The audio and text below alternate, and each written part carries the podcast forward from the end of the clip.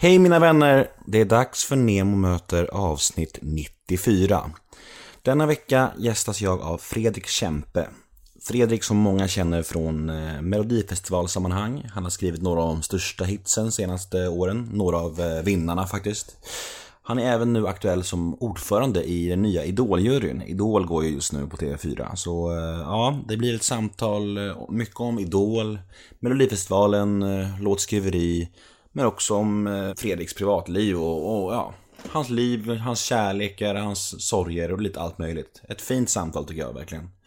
Jag är väldigt tacksam över att Fredrik kom och gästade Nemo möter. Jag heter Nemo Hedén på Twitter och Instagram. Hashtaggen är NEMOMÖTER. In och gilla oss på Facebook, Nemo möter en vän. Vinner ni mig något så är det nemohedén gmail.com som gäller. Den här podd sponsras av Radioplay, så in på Radioplay-appen och lyssna på oss där. Enkelt, smidigt och bra. Men nog om mig. Dags för Nemo möter avsnitt 94. Gäst Fredrik Kempe. Rulla gingen. Nemo är en kändis, den största som vi har. Nu ska han snacka med en kändis och göra honom glad. Yeah! Det är Nemo är en kändis, den största som vi har. Nu ska han snacka med en kändis känd. och göra honom glad. Yeah! Hur är läget med dig? Det är jättebra. Ja. Verkligen. Cool. Får man äran att sitta i din studio här? Ja. Mitt på Södermalm? Ja, känns det bra? Ja, det känns, känns jättebra. Ja. Jag brukar alltid säga välkommen till Nemo möter dina gäster, men nu blir det så att du får säga välkommen till mig istället. Välkommen till mig. Ja, välkommen till Fredrik möter Nemo. Ja. Är det här magin sker här inne? ja, här är det. Just nu har jag en hund som ska ha 100% uppmärksamhet. Så nu får vi parera här. Det är, ja men alltså... Så här. Jag brukar nog generellt sett kanske inte komma på de bästa idéerna här. eh, Utan det är här jag gör färdigt det. Mm. Eh, Så kommer man på en bra låtidé så till slut så måste den ju bli en färdig låt och en produktion och man ska spela in med, med någon duktig sångare och artist och sådär. Mm. Och det gör vi här. Mm.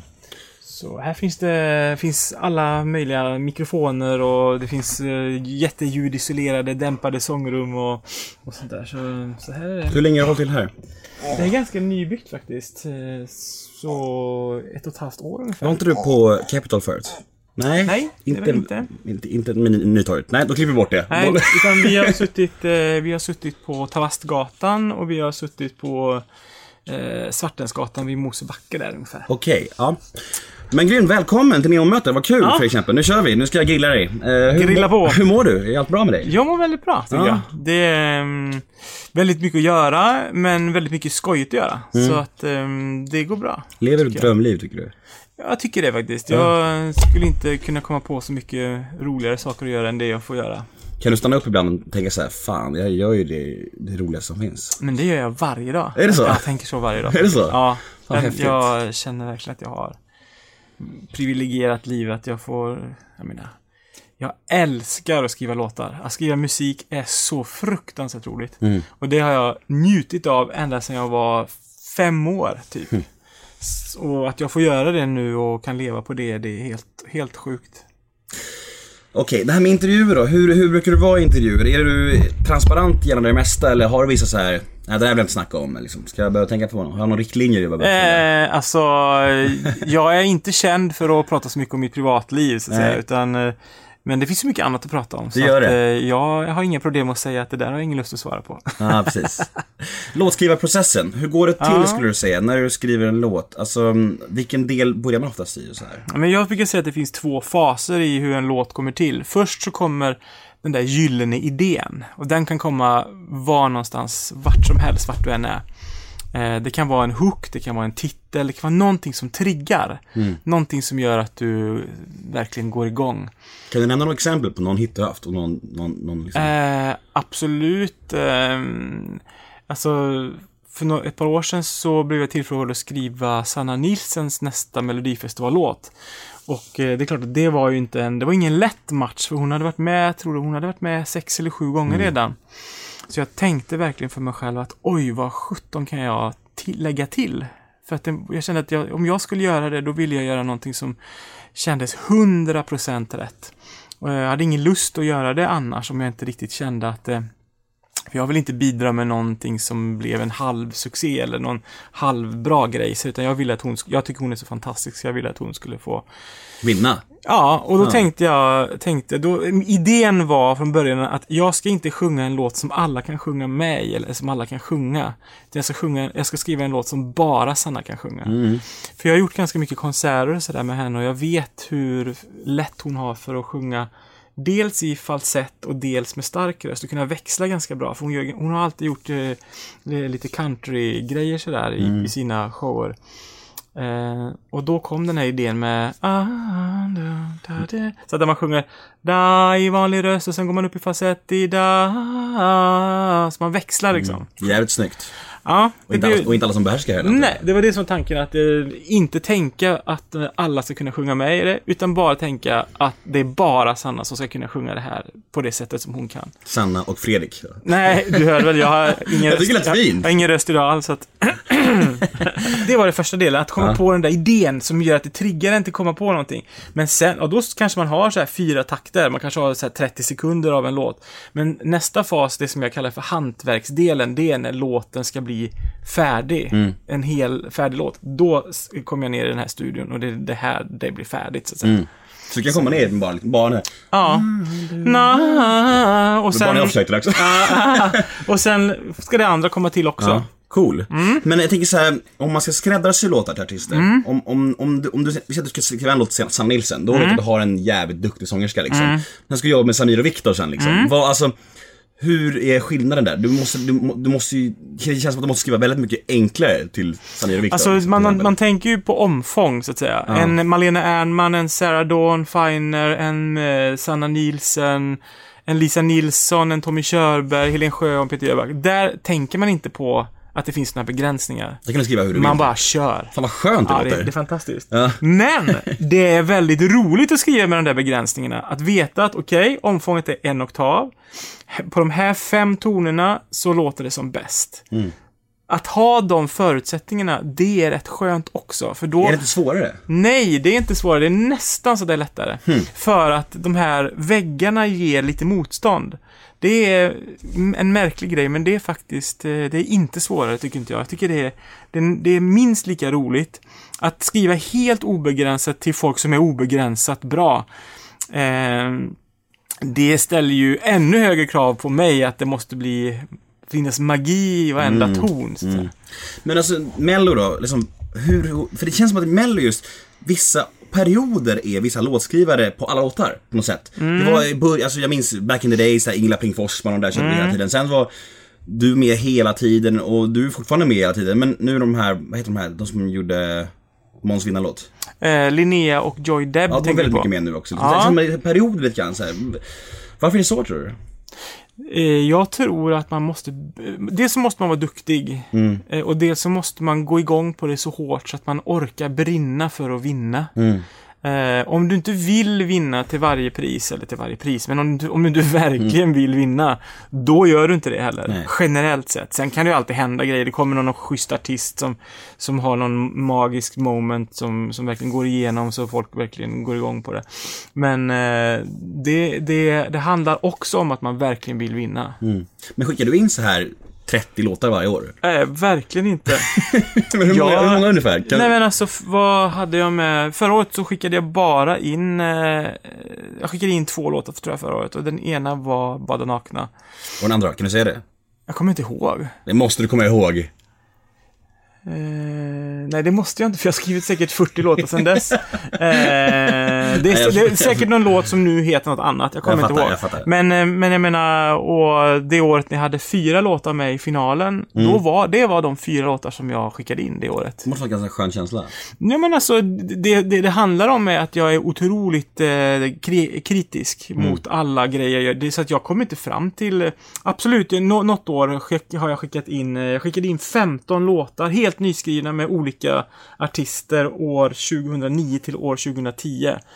Eh, för då hade jag ju vunnit två gånger på raken eh, och hade tre låtar i final 2009. Så då var, tänkte jag att nu jävlar ska, jag, ska det gå bra nästa år också. Eh, men då fick, jag, då fick jag med två låtar här för mig. Jag fick med eh, Manboy och eh, Hollow med Peter Jöback och med eh, Erik Saade. Jag för mig att det var två jag fick med. Ja, det flyter ihop lite. Mm. Eh, men då vann jag i Norge istället det, året. Så att, eh, Ett klämmår, jag tar Norge istället. Det var ju då för då var det den 16 låt, så det året jobbade jag oerhört hårt. Jag har för Mm. mig att jag var väldigt, lite smått utbränd faktiskt, eh, det året. Vad tror du är liksom nyckeln till en succé i Mello en vinnarlåt? För liksom, det känns som att det är väldigt oförutsägbart ändå. Alltså det, att det handlar mycket om timing och just det året kan liksom, som Anna Bergendahl var väldigt, när hon var väldigt såhär, jaha liksom, så- sådana där grejer kan, kan ju hända då och då. Mm. Och även Robin, eh, vad hette han, Andra chansen-vinnaren? Mm, Robin Stjernberg. Ja precis, det var också en sån oväntat liksom. Vad tror du är liksom, konceptet till att vinna? Kan man Men- säga det ens? Eh, nej men alltså det, det är gött att höra att du tycker att det känns oförutsägbart. För det är så jag känner också. Eh, för alla kommer ju alltid säga ja men du har en formel eller du har, du har något, något recept på hur man ska göra. Men mitt eh, recept brukar oftast vara att jag säger att nej men eh, skriv någonting som känns lite nytt. Och det är ju det, är ju det svårigheten, där ligger svårigheten så att säga. Att det måste kännas lite nytt och det måste vara någonting som står ut. Det måste vara en stark kombination låten måste passa artisten väldigt, väldigt väl för Mm. att det ska gå hela vägen. För att folk verkligen ska gå igång på det. Jag tycker det är konstigt när folk säger att det är förutsägbart eller så här favoriter, för det, jag tycker alltså det är bara att kolla på Frans. Vem trodde det liksom? Ingen, Mm. Nej. förmodligen. Är, Jag var till och med på ett möte på, det, på ett utav, jag ska inte säga vilket skivbolag då, då men eh, där, där jag skulle få lyssna på eh, typ de låtar jag hade lust att lyssna på. Mm. Och jag kände spontant innan, innan jag hade hört låten, tänkte jag, Frans, det är ju värsta idén. Dels så jag hade sett någon bild, den såg jättebra ut, jag tänkte det här blir ju magiskt Mm. och med den bakgrunden med Zlatan-låten och det här. Men eh, de ville inte ens spela upp den låten för de sa att nej, det kommer aldrig hända. Nej. Och, och, så att det var, det var kanske en av de två, tre låtar som jag inte hade hört innan tävlingen satte igång i år. Mm. Så att du ser, det, till och med skivbolagen har ingen, eh, det, det var så pass svårt att förutse Ja, det. men- Vet du vad som hände för 12 år sedan? För 12 år sedan. För 12 år sedan var du med i Mello. Oj! Finally, Är det I så know länge sedan? what Ja, det är så länge sedan. means to me. Mm, Jag tycker den är fin. den är jättefin. Och jag tänker att eh, du var artist från början. Det är inte så många som, alltså, klart folk vet det, men ändå att du är mest känd som låtskrivare. Det är som ett litet eko. Ja men precis. Som en skugga bakom. Jag Ja. som mellonörd har ju koll på det då, Ja. såklart. Och eh, duetten med Sanna Nilsson då, Absolut. Du och jag mot världen. Mm. Eh, bor en liten Fredrik Kempe i det fortfarande som drömmer att faktiskt stå på scenen själv också ibland? Inte som artist alltså. Är det så? På riktigt? Kan du säga det ja, ärligt? Jag kan verkligen säga det ärligt för att eh, jag gjorde, jag fick en förfrågan för, jag tror det var 2011 eller 2012 och sånt där. Kanske 12 snarast. ehm, om att vara med på Allsång på Skansen. Sjunga? Och, ja, sjunga ett medley utav mina egna låtar. Och jag eh, sa ju såklart ja, för jag tänkte det här blir ju kul att få göra Allsång på Skansen, det var ju magiskt. Och Måns var programledare och sånt där. Det fanns många saker som hängde ihop. Han skulle sjunga Karamia och jag skulle göra massa andra saker. Och jag var så nervös och mådde så dåligt den sommaren så att, Eh, att jag inte hade med mer låtar i Melodifestivalen året efter beror på att jag var med i Allsång på Skansen, för det tog all energi. Men vadå, vadå, det var inget det härligt tycker du? Nej men alltså jag kände att fan det här har jag gjort alltså. Det här är inte, det är inte, jag är inte den här personen längre. Det finns en enorm, eh, det finns en, en motsägelsefullhet i att dels hålla på så mycket i studio som jag gör, skriva låtar, tänka så mycket. Och sen ska man gå ut och vara artist och bara vända på det och bli den som bara reflekterar ut det. Det är två olika personligheter och man kan inte vara båda samtidigt. Eller det är väldigt svårt att vara båda samtidigt. Och dessutom så nu när jag har skrivit så mycket låtar och eh, eller det jag känner är att jag njuter så mycket utav det. Så jag behöver inte det andra och om man inte absolut måste stå på scen, då ska man inte stå på scen. För jag tänker att de som är artister, de har ju ett väldigt stort behov av att uttrycka sig vara och Mm. synas och höras. Och då har du, du har ändå varit där, tänker jag. Du kanske har förändrats som människa med, med åren. Men jag, jag tror lite grann det där med sången, det är sen jag var liten. Jag kunde sjunga bra när jag var liten och hela vägen upp och har fått höra ja du ska bli artist och du är nya Tommy Körberg och du är nya det. Så att det var nästan så att jag hade det, jag var nästan hjärntvättad i att jag skulle göra det. Men passade det mig bara för det? Nej, det gjorde det inte. Tycker du inte att du passade det? Eller? Nej, det gjorde inte det. Jag, jag, kände, tycker du var duktig. Jag, nej, men jag, nej, det var jag inte riktigt. Och jag, det kändes inte som att jag riktigt var nöjd i det heller. Jag mådde inte riktigt hundra i det. Men jag lärde mig väldigt mycket utav det. Mm. Och det använder jag idag, tycker jag. Har du någon drömartist i Sverige att jobba, jobba, jobba med?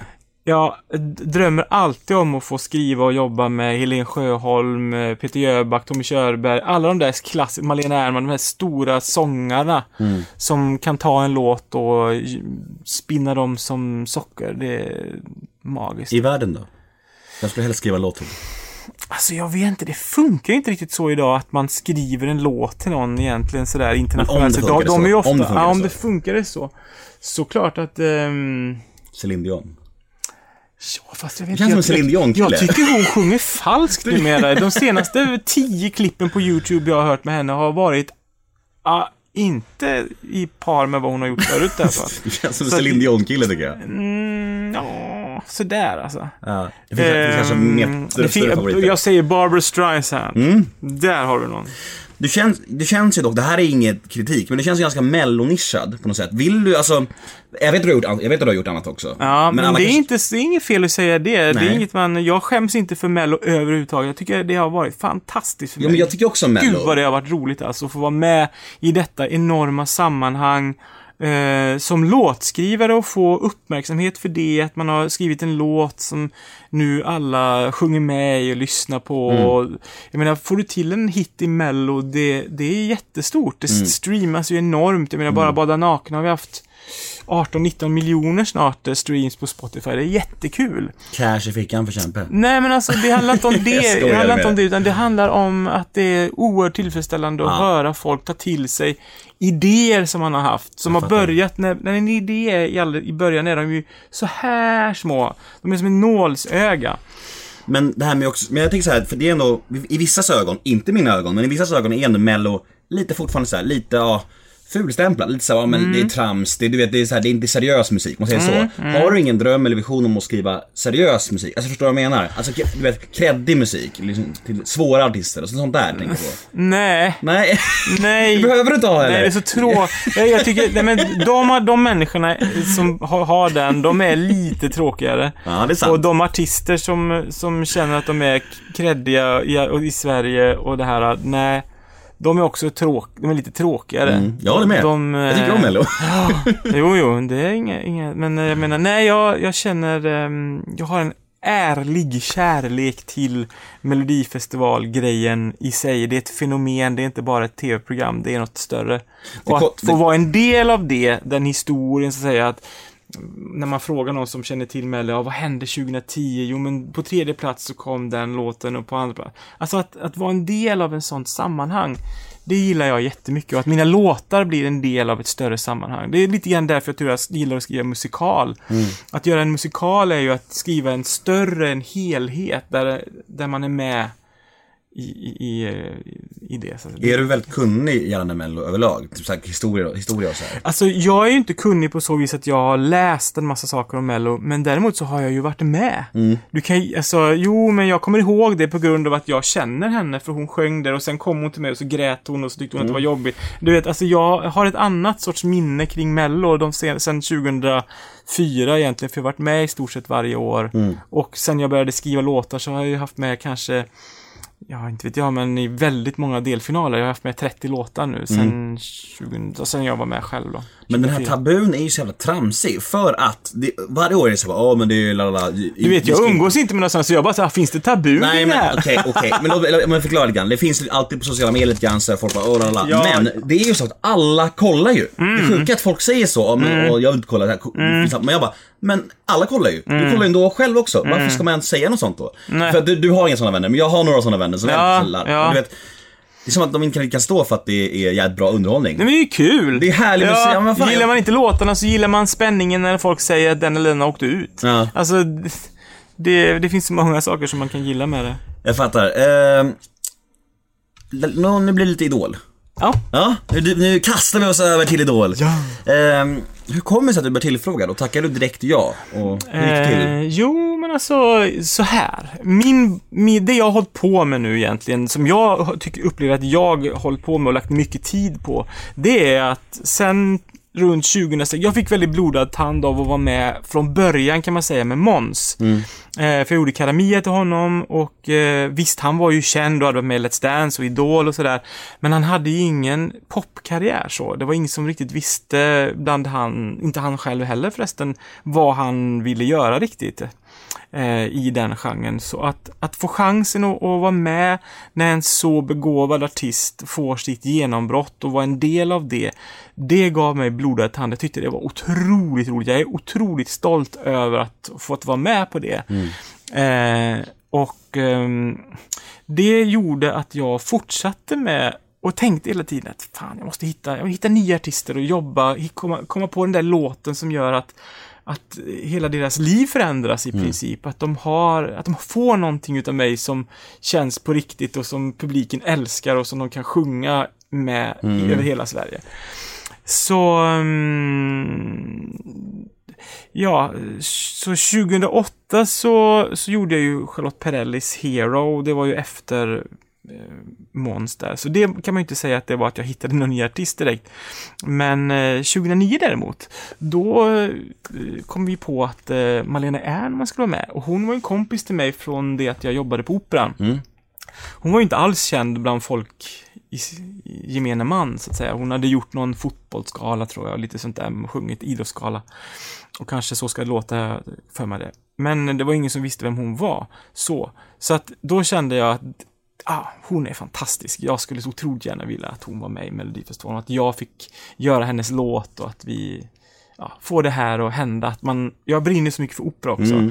Och att få, få fram det i en låt så att vanliga människor tycker att det är bra. Och så går hon och vinner. Kommersialise- Kommersialisera liksom. Ja, man kan säga vad man vill om det, men att, att, att, att många människor gillar det, att man får ett genombrott på det. Eh, Det var också en liten skräll, var det inte det? absolut. Ja. Det var ju, hon hade ju, jag har ju kompisar som, eh, som satsade pengar på det där när Mm. hon stod i 150 gånger pengarna tror jag. Så det var ju ingen som Kul trodde. Kul för trodde på det. Jag tror hon låg, när, när det blev offentliggjort vilket som skulle vara med, tror att hon låg sist. Jag Mm. hade Måns var låg först tror jag, för jag hade ju Hope and Glory med honom. Och sen hade jag Malena Ernman sist. Jag ramade in hela. Men, men Idol då? Det, det var egentligen frågan. Vi svävade iväg till andra ämnen. Just det, med det här med att hitta artister. Ja, jo, precis. så var det. Ja, men jag ska återgå till din fråga som var väldigt bra ställd. Eh, Det handlar helt enkelt om att jag har hållit på med att försöka hitta artister. Ganska mycket. Mm. Erik Sade, Anton Ewald, Linus Svenning, eh, Malena och några andra. Måns då, ja. Ja, jag kan inte säga att jag hittade Lite honom. Måns. Lite grann. Jag fick, vara med, jag fick vara med från början i alla fall. Mm. Eh, och när jag fick frågan om att göra Idol, då kände jag att ja, men det känns naturligt. Jag har gjort det här, det är det här jag har gillat allra mest, att få starta folks karriärer. Få komma på vad är den bästa låten, vilken stil ska de ha. Så att när jag fick frågan så kände jag att ja, men det här känns bra. Jag, jag tackar ja till det här för att jag vill... Jag känner att det här kan kanske göra att jag får utveckla de här idéerna ännu mer. Om att hitta nya artister. Du tackade jag direkt. Jag tror att jag i alla fall sa att jag var väldigt intresserad direkt. Jag sa inte att jag var tveksam. Det enda som jag var tveksam mot var just att det kommer ju alltid ganska sent de där frågorna. När de, de har kortare framförhållning än vad jag har i mitt liv. Så jag hade redan planerat in jättemycket saker eh, i våras när vi hade som mest och även nu. Så jag tänkte att det kommer bli ett helvete att få hinna med allting. Men eh, jag kände att vi, vi kör. Har du någon relation till de andra nya jurymedlemmarna sen tidigare alls? Nej, jag kände inte dem Du har sen träffat tidigare. Alltså, nej, det har jag inte gjort. Men det är klart jag har en relation till Quincy Jones the third, till hans pappa. Mm. Eh, så jag tänkte att eh, killen har ju DNA så det räcker i alla Mm. fall. eh, för att vara en bra, han är super, supermysig och här, lite mer musiker-style på honom. Och Nicky? Eh, också en häftig, häftig tjej med skinn på näsan och vet precis vad hon vill och sånt där. Vad tror du är skillnaden mellan årets jury och förra årets jury? Om man kan säga så. Lite svårt att svara på eftersom jag inte har följt Idol de senaste åren. Jag är väldigt god vän med Alexander och eh, gillar honom hur mycket som helst. Så att eh, han är ju rasande intelligent och sådär så att... Eh, Jag lyssnade på hans sommarprat, det var helt magiskt. ja, kan fem, tänka mig. fem plus. Ja, kan tänka mig. Så ehm, det är väl den relationen jag har till den juryn, så jag kan inte riktigt jämföra oss. Och Laila är ljuvlig också, Anders har jag jobbat med någon gång. Jag sjöng körsång på en Céline Dion-skiva eh, när han, som han producerade. Så... ehm, Jag hade med Anders gamla parhäst här, Arntor Birgersson. Ah, fantastiskt. Jag Selling a little or a lot? Shopify helps you do your thing however you cha-ching. Shopify is the global commerce platform that helps you sell at every stage of your business. From the launch your online shop stage to the first real life store stage, all the way to the did we just hit a million orders stage. Shopify is there to help you grow. Shopify helps you turn browsers into buyers with the internet's best converting checkout. 36% better on average compared to other leading commerce platforms because businesses that grow grow with Shopify. Get a $1 per month trial period at shopify.com/work. shopify.com/work. jobbat med honom också. Han är supernice, ju, ljuvlig. Ja, jag älskar honom. Verkligen. Eh, Men hur har ni tänkt i år? Eller vad, hur, vilken inställning hade du till Idol? Alltså vad, vad, alltså klyschig fråga, men vad sökte, sökte du? Vad kollade, vad kollade du efter år? Liksom? Jag söker efter folk jag vet vad jag, att jag kan göra till stjärnor helt enkelt. Ja. Folk som jag vill jobba med, folk som har någonting unikt, folk som har den där charmen. Mm. Behöver inte vara den där rösten egentligen. eh, Det går att ordna i studion. det går att ordna. Det är inte helt nödvändigt helt enkelt att man Nej. är fruktansvärt bra på att sjunga. Man måste, måste kunna förmedla någonting. Och det kan man göra med en, med en sämre röst också. Jag menar, Håkan Hellström tycker jag är en av våra absolut största artister. Men jag tror till och med att han själv skulle säga att han inte har den bästa sångrösten som finns. Men det är helt irrelevant eh, när det gäller honom för att han är en sån kommunikatör. Ja, han har fått fem plus på att vara kommunikatör helt enkelt. Så att ehm, det är mer det vi tittar på. Kommunikatör betyder att förmedla en känsla typ. Ja, förmedla vad- whatever. Ja. Alltså. Ja. Men vet du, är det som du trott då? Alltså hela turnén och allt det här. Var det som du trodde? Ganska mycket, alltså så pass mycket har jag varit med i TV-världen och även om jag har stått bakom artisterna så att jag kan fnula ut ungefär hur det går till. Kom ni överens då, eller var det mycket tjafs? Du och juryn? Inget tjafs egentligen direkt alls, förutom att det är klart att vi är lite oense om hur hård man ska vara. Eh, Vem är hårdast? eh, Nicky är absolut hårdast. Eh, Och du är snällast? eh, ja, Du alltså- känns snällast, som människa. Ja, kanske. Jag vet inte. Jag försöker inte vara för snäll, för det blir irrelevant. Man måste vara ärlig. Mm. Jag är för snäll. De två första programmen vi spelade in var jag osäker på hur jag skulle lägga mig, vilken Nivå. nivå man Mm. eh, skulle ta det på. Eh, för de är så unga som kommer in också, tycker Mm. jag. Vad är det, 15 yngst va? Ja, det, det är ju barn, liksom. Det är barn helt enkelt. Det, så att i år hade vi för första gången folk som är födda på 2000-talet. det vill säga folk som fyller 16 Ja, ja, år. det är helt galet. Så 15-16-åringar. Och de måste man vara varsamma med för att helt plötsligt så sä- säger det pang och så blommar de upp och blir magiska artister. Mm. Eh, Så att man kan inte såga folk hur som helst tycker inte jag. Nej. Eh, Så det har vi väl haft lite diskussioner Hade du om. många som grät och sådär? Det var jättemycket folk som grät i år. Hör du det? Jättemycket folk som grät. Jobbigt för dig. Blöder Jag grät också. eh, men, eh, men samtidigt så måste man vara ärlig och eh, ibland så, jag menar vi hade några som var tondöva verkligen som kom och sökte. Och eh, när jag då, jag sa helt enkelt, men alltså du är tondöv helt enkelt. Det är inte en ton rätt. Och då fick vi faktiskt responsen mer än en gång att, jaha, ja men jag anade nästan det. Mm. Och så att folk kommer av olika orsaker. Mm. Det är bekräftelsebehov, det är mamma och pappa som säger att de är duktiga, det är att de kanske sjunger bäst i den kören de är med i. Mm. Det kanske är så att de är killen med gitarren som alltid sjunger på alla lägereldsfester och sånt där. Alla säger att jag är bra. det- Ja, men exakt. Och då, då, är, då är, tyvärr så är man ju inte det alltid. Man är inte alltid bra på grund av det. Det räcker Nej. inte. Men alltså visst är det så att det är, före er så är det någon slags provjury som tar ut allt som blir bra TV, är det inte så lite grann? Lite så är det. Det Ja. finns förjurys helt enkelt som tar ut eh, de som har mest personligheter, de som är bäst, de som är sämst. och roligast också, De som har ytterligheterna kan man säga. Som kan göra ett kul program också kan jag tänka Ja, mig. det är ett underhållningsprogram. Ja. Men, eh, Det får man ju inte glömma bort. Och det, nu tycker jag ju att det här programmet har gått i tolfte säsongen. Mm. Så de som kommer dit, de vet vad som väntar. Mm.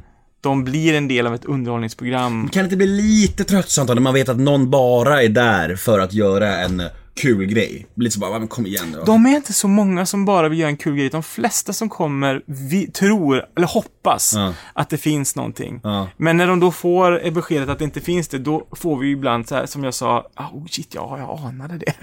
Och det tyckte vi var så himla skojigt. För att, okej. jag är kass fan. ja, jag är fan kass alltså. Jag anade det. Men är du nöjd med, med det ni har hittat alltså? Och, och snälla, säg inte det pliktskyldiga, åh det här är bästa säsongen hittills, som alla säger varje år. Mm. Ja. Men kan du säga att du är ärligt nöjd? I- Så här, jag, eftersom jag inte riktigt har sett de andra säsongerna som har varit i anknytning till det här så kan inte jag säga varken det ena eller det andra. Jag märker på produktionen, som ju har varit med i några Det är år samma, nu. alltså jag med är samma. Ja, ungefär. Mm. De är väldigt nöjda och tycker att de har fått eh, vilket jag tror också är sant, lite andra sorters människor som har sökt på grund av oss i juryn. Att vi helt enkelt, eh, det är absolut inget fel på den gamla juryn, men de lockade ett visst sorts eh, artisteri. Och vi kanske är lite, eftersom vi är nya, så kanske folk känner att ja, men jag tar en chans. Jag vet inte vad de här kommer tycka. De kanske har, liksom, så att säga, jag vet att jag kommer bli sågad utav Laila eller Alex- Alexander, för det här, jag är inte det de brukar gilla. Nej. Men de vet ju inte vad vi gillar. Nej. Så att då kanske de chansar. Mm. Så att det verkar som att eh, vi, har, vi har ju slagit eh, rekord på många platser i hur många som har kommit och sökt. Hur många är det sammanlagt då, i år? Ingen aning, jag har faktiskt ingen koll. Men det, det är vi, ganska... vi, vi, ganska vi, kollar upp till, till här jag, sänds. kolla, jag kollar upp det, kolla upp det. Att, eh, Men eh, nästa år fyller du 45. Va? Så, sådana frågor vill jag inte ha. Fruktansvärt fräckt. Men du, du ser ung och fräsch ut ju. Jag är ung och fräsch. Välmående. Ja. Ja, vad härligt. Eh, Men hur, hur ställer du dig inför att åldras? Har du ångest över det ofta? Alltså, jag tänker inte ens på det. Jag bara Nej. så här, vad- menar, alltså, det var verkligen så, vad menar han? Out of the blue. Ja. Men jag har vissa frågor som jag ställer till alla mina Ja. gäster, så det, de får du ta också. Ja, ja, ja. Eh, Har du aldrig ångest över Jag tänker inte på det. Nej. Inte, inte, jag, jag, Man kanske inte har åldersnivå och sånt om man är tillfreds med livet, tänker jag. Så kan det absolut vara. Jag tror att om jag hade varit på en annan plats eh, och inte fått göra det jag tycker är kul, då kanske jag hade fokuserat mer på sådana saker. Mm. Men just nu så känner jag bara att eh, jag vill framåt och uppåt. Jag vill, jag har tio olika drömmar som jag fortfarande vill eh, få uppfyllda, så att säga. Mm. Så att ålder känns eh, inte som någonting negativt eh, än. Nej. Är du en ångestfri människa? Nej, det tycker jag inte att jag är. Jag har ångest, jag har väldigt mycket prestationsångest. Är det din jag, värsta ångest? Prestationsångest? Det är nog min, det är min ångest, så att säga. När kan den komma? Eh, den bär jag med mig eh, en stund varje dag. Mm. Eh, den kan vara positiv om man vill ha resultat också. Den är inte bara negativ, utan det, för mig så triggar den eh, om den inte blir överväldigande och, jag blir apatisk så att säga, då är det en väldigt positiv känsla. Kan du lyssna på en låt som du kanske skrev för 6-7 år sedan och tänka Fan, släppte jag den här låten? Alltså, den var ingen vidare alltså. Kan du känna så? Eller är du stolt över allt du har gjort? Alltså, jag tänker inte så noga på vad jag har gjort faktiskt. Nej. Eh, Jag har inte den... eh, Jag är inte en av de här artisterna, eller låtskrivarna, som kan varenda låt de har gjort och som kommer ihåg varenda textrad och sånt där, utan för mig så handlar det om att jag tycker det är så kul att göra det bara. Mm. Du ser bara Så framåt, framåt, framåt. Sen så är det bort och sen är det nästa grej. Du är inte så nostalgisk av dig? Nej, jag är inte nostalgisk alls. Nej. Jag är inte romantiker heller, vilket man kan tro. Men jag är faktiskt jag är inte speciellt romantisk. Jag är hemskt ledsen, Kristoffer, men jag, det, det, du vet det. Eh, Så att, eh, nej, jag har inte de grunddragen i mig. Jag tror att jag får ur mig väldigt mycket känslor när jag sitter på pia- vid pianot. Ja. Så jag, jag är väldigt jämn. Vi kanske, ska, vi kanske ska fejda ut den här sen med, med att du får spela lite Finally på piano. Ja, kan vi göra. Eh, hur är din relation till alkohol? Jag dricker i princip inte alls. Nej. Har någon speciell anledning? Har aldrig varit intresserad. Jag tror att anledningen är att när jag var i den här åldern då man, då man kanske kommer in på det, då var jag som allra mest intresserad av att sjunga och lägga ner tid på att öva. Så att jag kom aldrig in på det här med att tycka att det är kul att, att dricka mig berusad i någon större utsträckning. Har du sett många, eftersom du är i musikbranschen som är ganska känd för att supa och stöka Ja. del. Har du sett många gå ner sig så här kring det? Så här? Alkohol och droger? Ja, det har jag väl sett, men det är inte därför som jag inte ägnar mig åt det, utan eh, det har mer med min uppfostran och med eh, helt enkelt min, min sång tror jag att göra.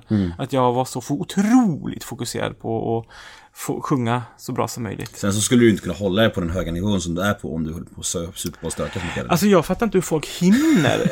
eh, men det brukar för sig visa sig efter ett tag när de kör hårt att de hinner inte göra några större storverk så att säga. Nej. Utan det fejdar bort. De försvinner generellt sett. Du nämnde din man precis. Mm. Eh, när kom du ut? Eh, jag tror att Expressen skrev eh, någon fuling eh, någon gång. Eh, men sen så var det ingen som tog upp den bollen riktigt. Eh, eh, jag har aldrig riktigt kommit ut tror jag på det sättet, utan det har har bara... aldrig varit hetero? eh, nej, inte på... Jo, typ, alltså, man, eh, jag var ganska oskyldig så att säga när jag var ung. Jag hade inte någon större koll på vad det ena eller andra var. Jag kommer ihåg när jag hade Mark Levengood som gäst. Då frågade, Ja. Mm. då frågade jag honom så här, har du legat med någon kvinna? Då sa han så här, vad är det för frågor du ställer? Sa han då. har du legat med någon kvinna? Vad är det för frågor du ställer? Du behöver inte svara på det. Nej, men Jag tycker det är så intressant. Jag vet inte varför. Jag blir så här nyfiken på om man, när man har kommit ut, om man någonsin har varit attraherad mot det här könet eller om man liksom har ändrat sig eller om man Jag är tror, inte det, född hand- jag tror inte det handlar om att attrahera den en gång eh, på, på, på det planet, utan det är ju någonting som man är så tving, så att säga, inom citationstecken tvingad till att åtminstone prova på. Mm. Så att eh, det är nog väldigt få som inte har gjort det.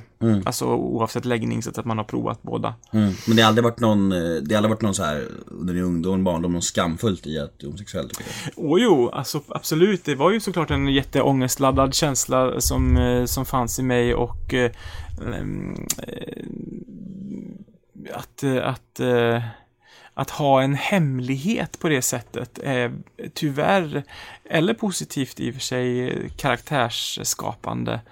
Eh, Jag, eh, det, det finns nog i mig, den, den grejen. eh, Och jag har säkert använt mig utav den negativa sidan, så att säga, i att, hur jag skriver och sånt där. Det är jag ganska säker på att det har spelat stor roll. När grät du senast? Men alltså det där, jag gråter jättemycket ofta. Alltså, det, Svårt att skriva en låt. Ah, ah, ah. Nej, alltså så, senast jag grät var, jag håller på med ett, så här, ett hemligt drömprojekt som jag inte får säga vad det är. Åh, droppa bomben nu! här har du läge! Nej, ja, nej. det, det, nej, du har för få följare för det. Hej! Men, Okej, tur. Jag fick en high five i alla fall, så jag är inte helt kränkt. nej då. Släpp, Eh, släpps om tre veckor, så kanske ute då, är det? Din hemlighet? Nej, nej, nej, Nej, nej. är nej det är lite längre perspektiv. Det är, lite, det är ett stort projekt. Men eh, jag skrev, när vi var på semester i somras, då satt jag i, det var en sån här härlig bubbelpool med utsikt mot vattnet eh, och sådär. Då kom jag på massa, massa saker som var jättesorgsna till det här projektet och eh, då grät jag faktiskt Mm. eh, ordentligt. Och det, jag blev förvånad, för jag brukar inte riktigt gråta när jag kommer på så bra idéer. Nej. Fast det var, det, det, det var någonting med de här idéerna som jag tror hängde ihop med eh, min pappa och han, Mm. han hade cancer och massa saker så här. Så att det var, det triggade mig rätt hårt. Mm.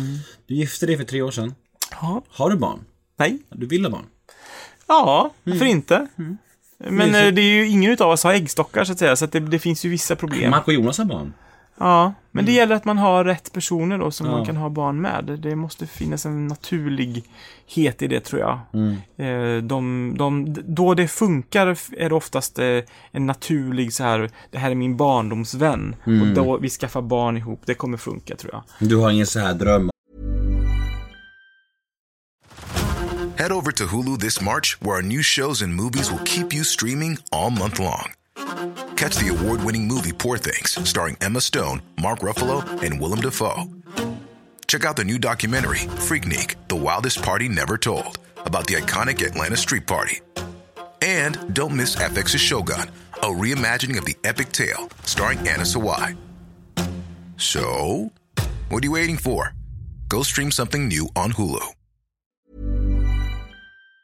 Om att ha en liten, liten familj. Du har tjej hund, väldigt fin hund här. Men det är ju som en familj också i och för sig. Men, men har du någon dröm om barn? Hyser du någon dröm om det? Eh, jo men absolut. eh, Den, Föra den- kämpegenerna vidare. Nej, så tänker jag inte. Jag, jag kan absolut adoptera och sådana Ja. saker.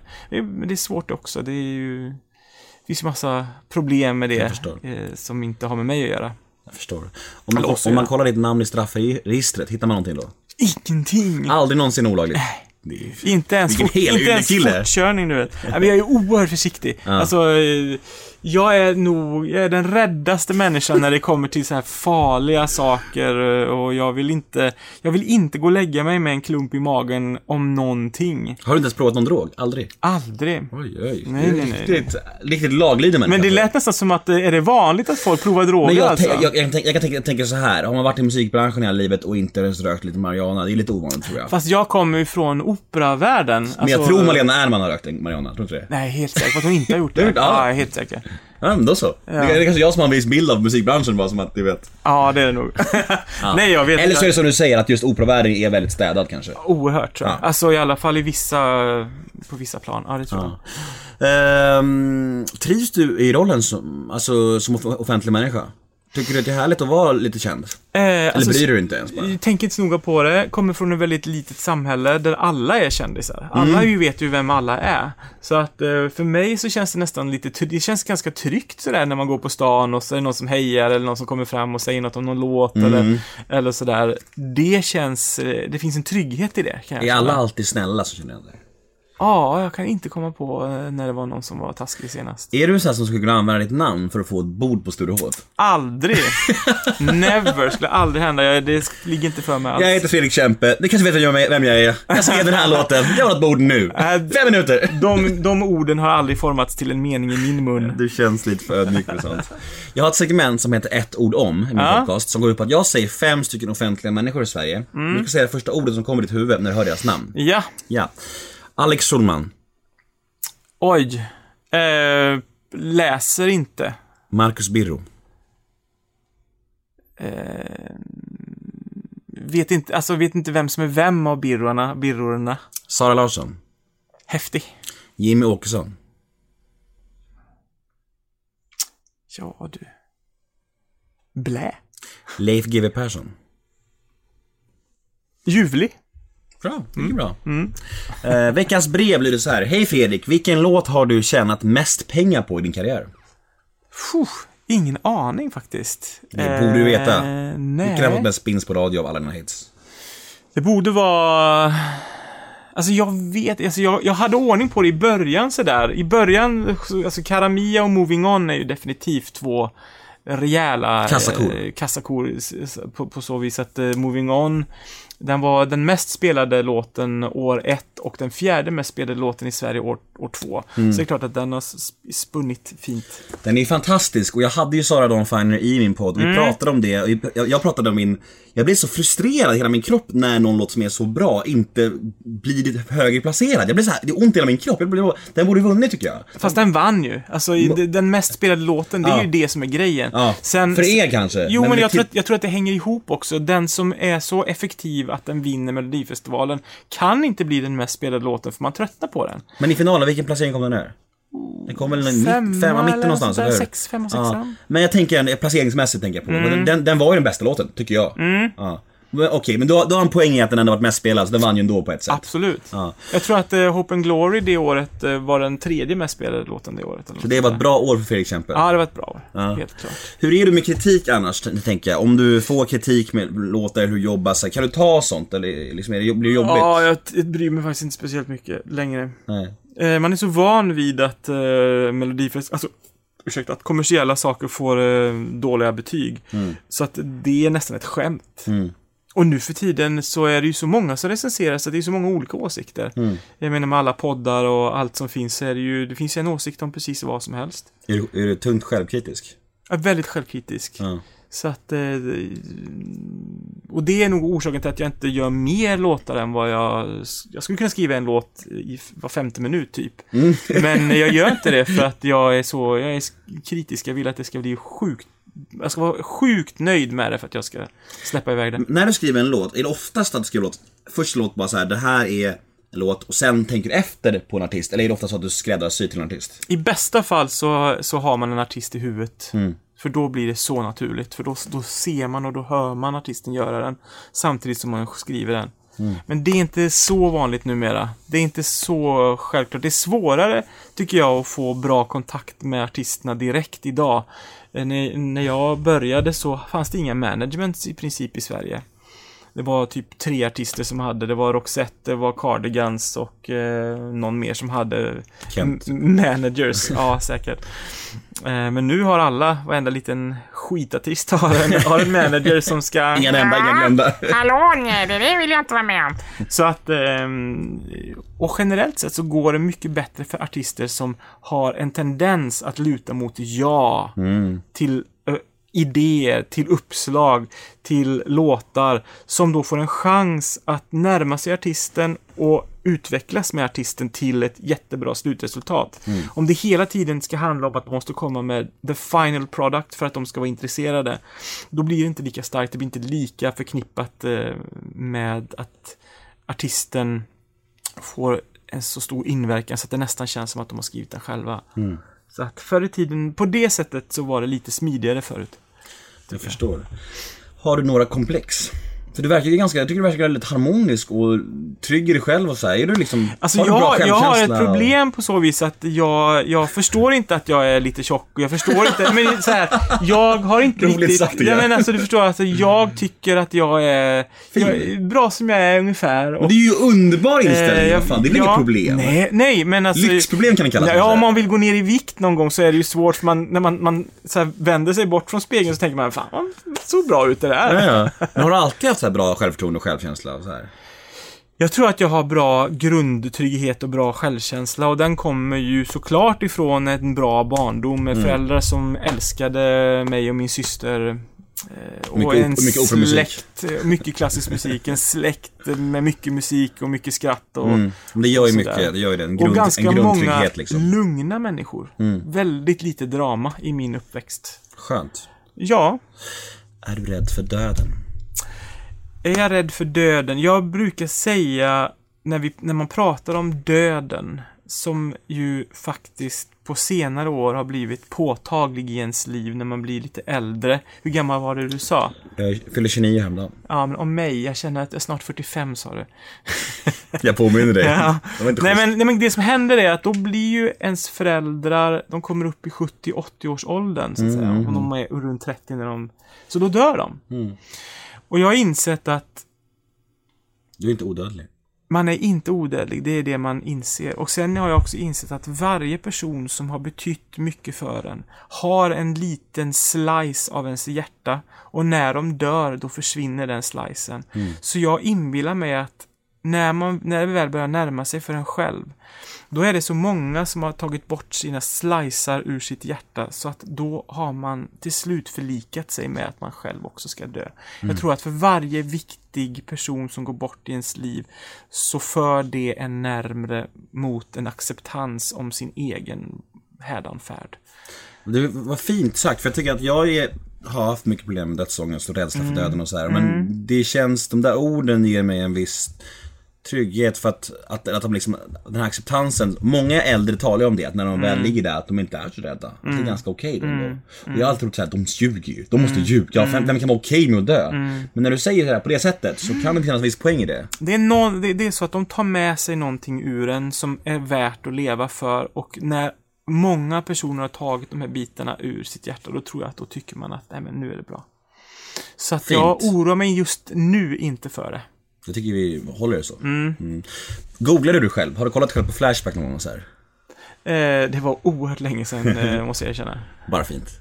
Nej, alltså ja, det stod säkert massa hemska saker. Det Det- gör det är ju... det alla gör där, så Ja, det ingen roll. det, så att det finns ingen större poäng med att gå dit om man vill behålla sin sinnesfrid. Så är det.